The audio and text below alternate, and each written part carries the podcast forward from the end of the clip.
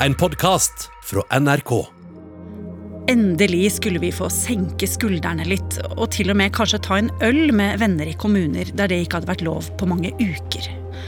Men det få visste, var at det i romjula hadde sneket seg inn en ubuden gjest på et sykehjem i Nordre Follo, som begynte å oppføre seg svært så merkelig. Og som snart skulle sette en stopper for planene til 1,6 millioner nordmenn. Det er stille nå.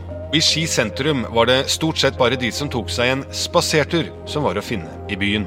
Nei, du kan si nå følte jeg meg rimelig alene. Det er nesten litt sånn spøkelsesspyd.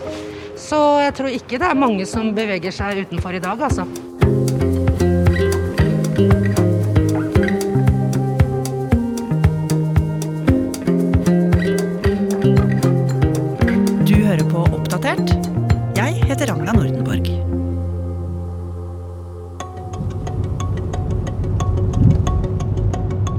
I enden av en liten stikkvei med bygdas eneste blokkompleks til høyre og et lite skoghold til venstre, ligger Langhus bo- og servicesenter.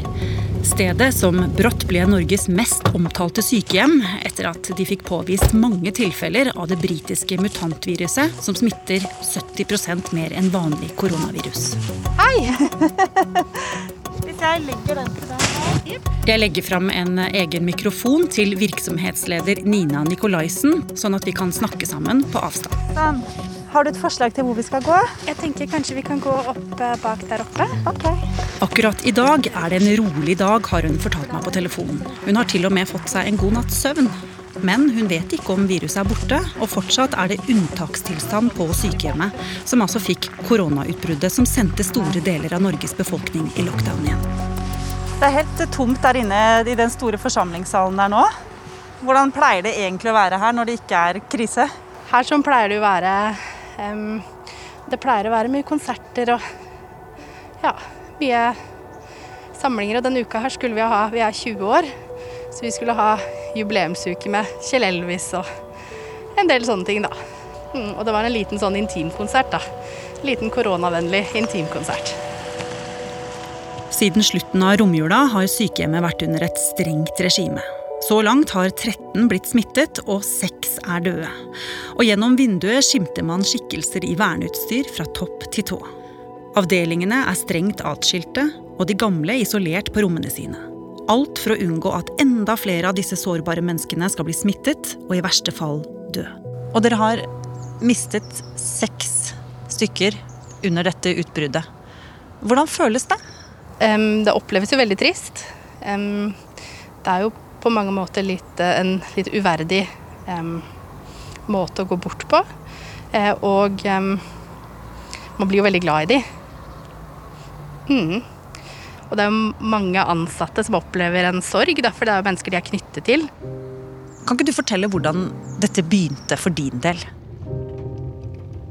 Klokka var da kvart over ti på, på kvelden lørdag. Etter en hektisk romjul så satt jeg på hytta med familien min og spilte brettspill. Og da fikk jeg en telefon fra sykehjemmet om at det var en pasient som hadde testet positivt på en hurtigtest. Og hva var det som skjedde da? Da gikk jeg jo inn i turnusprogrammet vårt, kontaktet eh, alle ansatte som hadde vært på jobb, og så har vi noe som heter smittesporingsskjema per ansatt, som gjør at alle ansatte har skrevet hvilke eh, pasienter og hvilke ansatte de har vært nærkontakter til.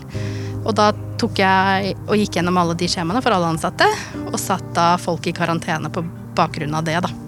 Dette satt jeg da og gjorde utover natta. Ikke før klokka var fire var Nina i seng, og allerede sju dagen etter var det å stå opp, rydde hytta og kjøre hjemover med smittesporingsteamet på telefonen. Mens Nina var opptatt på sitt hold, satte kollegene hennes på sykehjemmet i gang med å teste både pasienter og ansatte. Og svarene kom raskt. Hele åtte personer var blitt smittet. Og siden dødeligheten blant eldre er høy, hastet det med å stoppe utbruddet. Sykehjemmet hadde akkurat vært gjennom et smittetilfelle i desember, så de hadde rutinene under huden.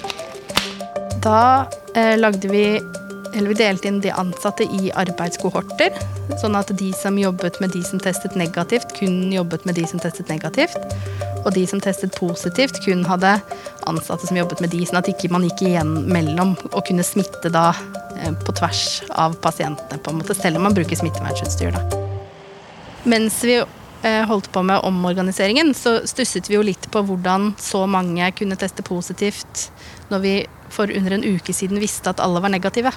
Akkurat da så var det ikke så mye tid til å prate om sånne ting, eh, men vi nevnte det vel i noen forbisetninger at dette måtte vi løfte videre og undersøke om kunne være noe annet, for vi syns det virka litt eh, merkelig. Det var flere ting som fikk Nina til å stusse. For det første var alle ansatte nylig blitt testa. Men hun visste også at de hadde vært veldig nøye med å følge alle retningslinjer for smittevern til punkt og prikke.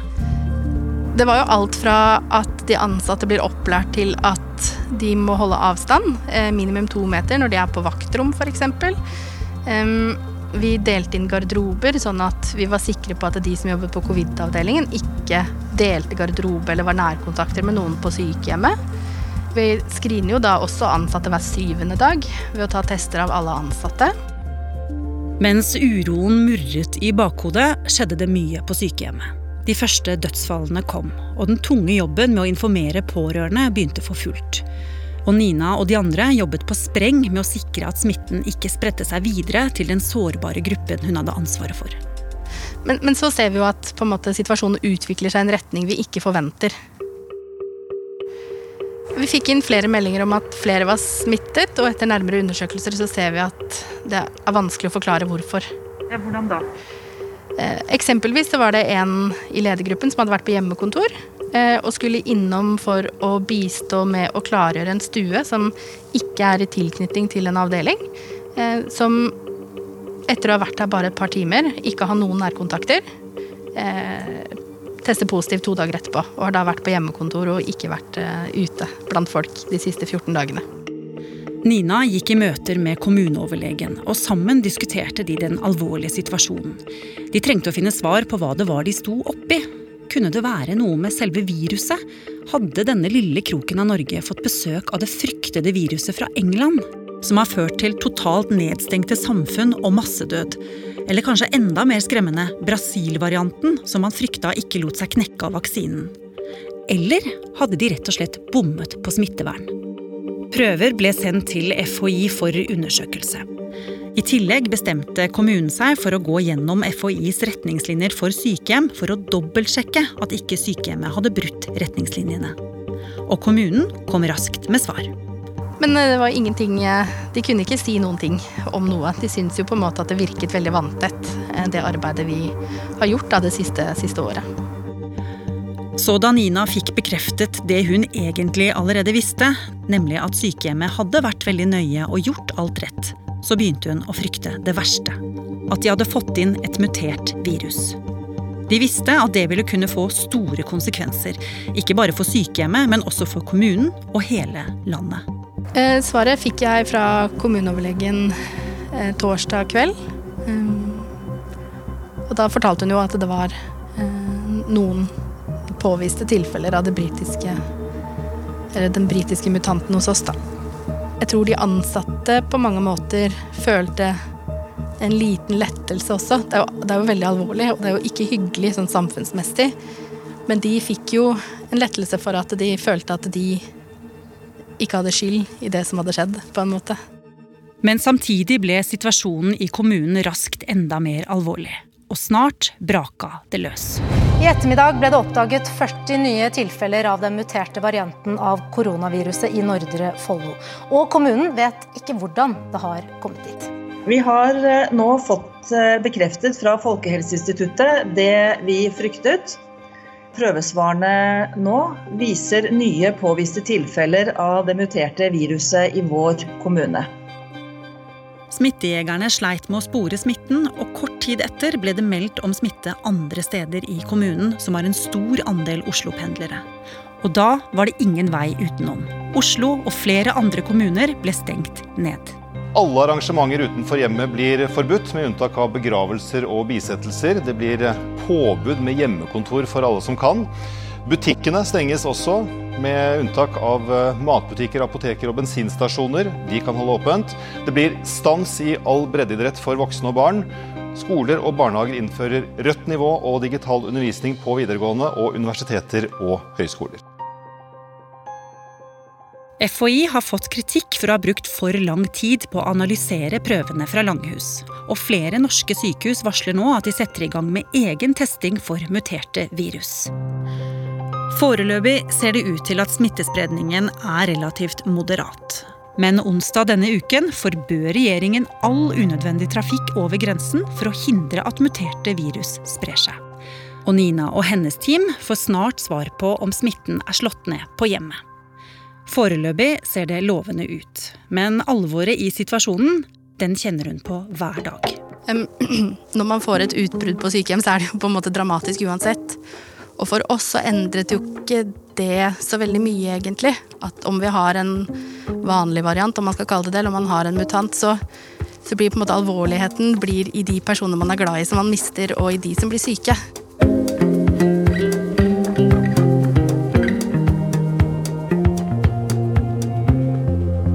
Har du lyst til å bli fast lytter av oss i Oppdatert og få påminnelse om nye episoder, så er det bare å abonnere på oss i NRK radioappen. Og så er det veldig hyggelig hvis du vil anbefale oss til en venn.